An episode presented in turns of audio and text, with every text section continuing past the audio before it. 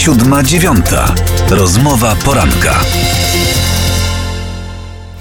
A naszym pierwszym gościem jest pani Anna Dyner z Polskiego Instytutu Stosunków Międzynarodowych. Dzień dobry. Tak, słyszymy się jak najbardziej. Mieliśmy jakieś małe przesunięcie E, na łączach. E, dobrze, e, skoro już możemy porozmawiać, to pierwsze o co chciałbym Panią zapytać, to czy słyszała Pani wywiad prezydenta Władimira Putina dla amerykańskiej telewizji, w którym komentował on m.in. sytuację związaną z Aleksiejem Nawalnych. Jak Pani ocenia sposób odpowiedzi rosyjskiego prezydenta, sposób przedstawiania sytuacji, przedstawiania swojej wersji wydarzeń i też porównywania ich do działań chociażby w Stanach Zjednoczonych.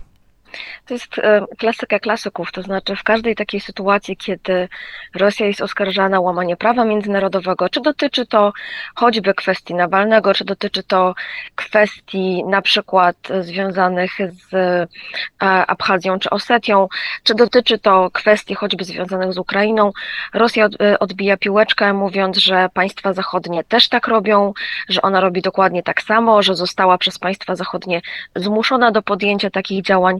No ewentualnie jeszcze dodaję, że e, władze rosyjskie dodają, że mają, e, że mają do tego prawo, wskazując na przykład na to, że ktoś popełnił przestępstwa, no i musi zostać z tego tytułu e, ścigany, oskarżony i osądzony.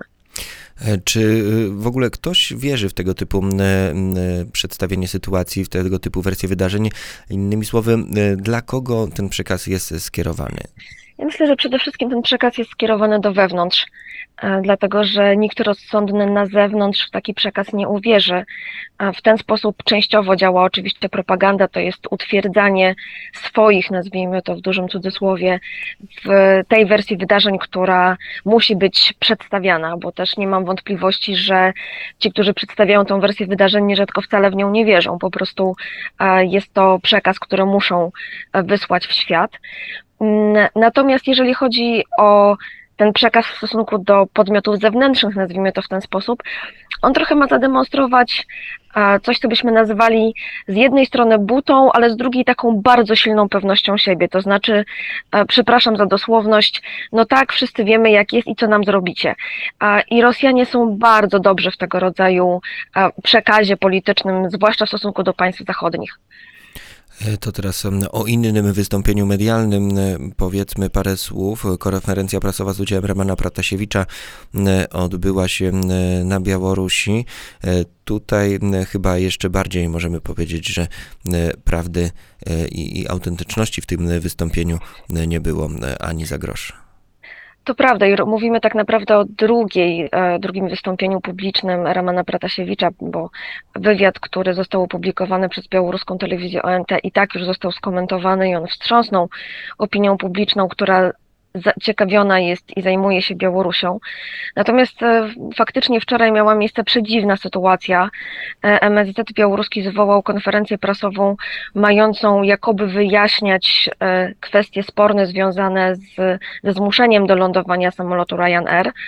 Na tej konferencji prasowej pojawił się, czy w zasadzie został przeprowadzony Raman Pratasiewicz, który miał udowadniać, że absolutnie nie został e, pobity przez e, żadnego współpracownika KGB, że wszystko jest u niego w porządku. Miał wysłać przekaz do rodziców swoich, że też, żeby się nie martwili. Natomiast część dziennikarzy i część akredytowanych na Białorusi dyplomatów, którzy przyszli na tą konferencję prasową, opuściła salę w tym momencie, dlatego że uznała, że jest to tak paskudna demonstracja, że nie mają ochoty brać w tym udziału. I zresztą na przykład Radio Swoboda też zapowiedziało, że nie będzie cytować e, słów Romana Pratasiewicza, bo uważają, że nie są to słowa, które zostały przez niego wypowiedziane mm, bez przymusu w nas e, to wydarzenie no, budziło chyba jak najgorsze skojarzenia z tym, co działo się u nas tuż po II wojnie światowej w okresie najtwardszego stalinizmu, z tymi procesami pokazowymi. O ile jednak jeszcze wtedy ta propaganda władzy to był w sumie no, jeden, jedynym źródło informacji szeroko propagowanej, no o tyle w dobie internetu, w dobie takiego szerokiego przepływu informacji, trudno się spodziewać, żeby ktoś uwierzył w autentyczność tego wydarzenia wydarzenia. I tu ponownie pytanie takie jak w przypadku Władimira Putina, Czy tutaj też możemy powiedzieć, że to wystąpienie, ta no farsa, chyba tak to trzeba nazwać, była skierowana na użytek wewnętrzny, na użytek Białorusi? W dużym stopniu tak, e, dlatego że i tak większość Białorusinów nie wierzy w to, co się zadziało. Większość światowej opinii publicznej również nie będzie wierzyła w tłumaczenia e, białoruskich władz, które są e, dość mętne i oczywiście zrzucają winę za cały incydent na wszystkich dookoła oraz podkreślają, że państwa unijne nie były dotychczas zainteresowane postępami w śledztwie.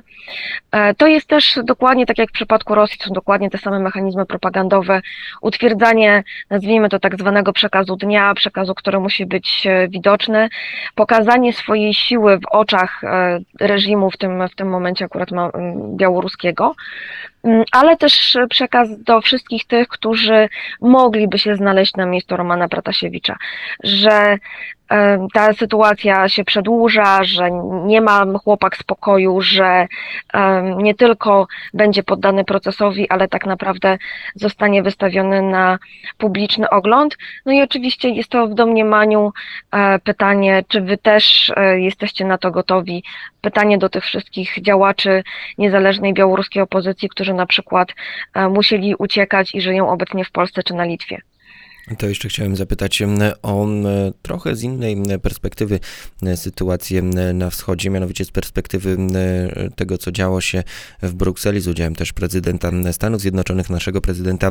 Prasa się szeroko na ten temat rozpisuje, interpretuje to spotkanie, czy ono było krótkie, czy ono było planowane, czy ono było wystarczająco długie. Jak w tym kontekście możemy patrzeć na nasze bezpieczeństwo w, na wschodnich granicach, w kontekście kontekście zagrożenia, jakie może się szykować ze strony Rosji, też w kontekście tego, co dzieje się na Białorusi, w obliczu takich e, faktów, tego, co spotkało nas na tym szczycie. Ja bym powiedziała tak, nie, nie, odnosząc się do, do samego spotkania, bo tak na dobrą sprawę tutaj mamy bardzo dużo informacji medialnych, a nie konkretów, natomiast konkretem jest komunikat po szczycie i warto na ten dokument zwrócić uwagę, dlatego że w tym dokumencie Rosja jest wymieniona ponad 60 razy.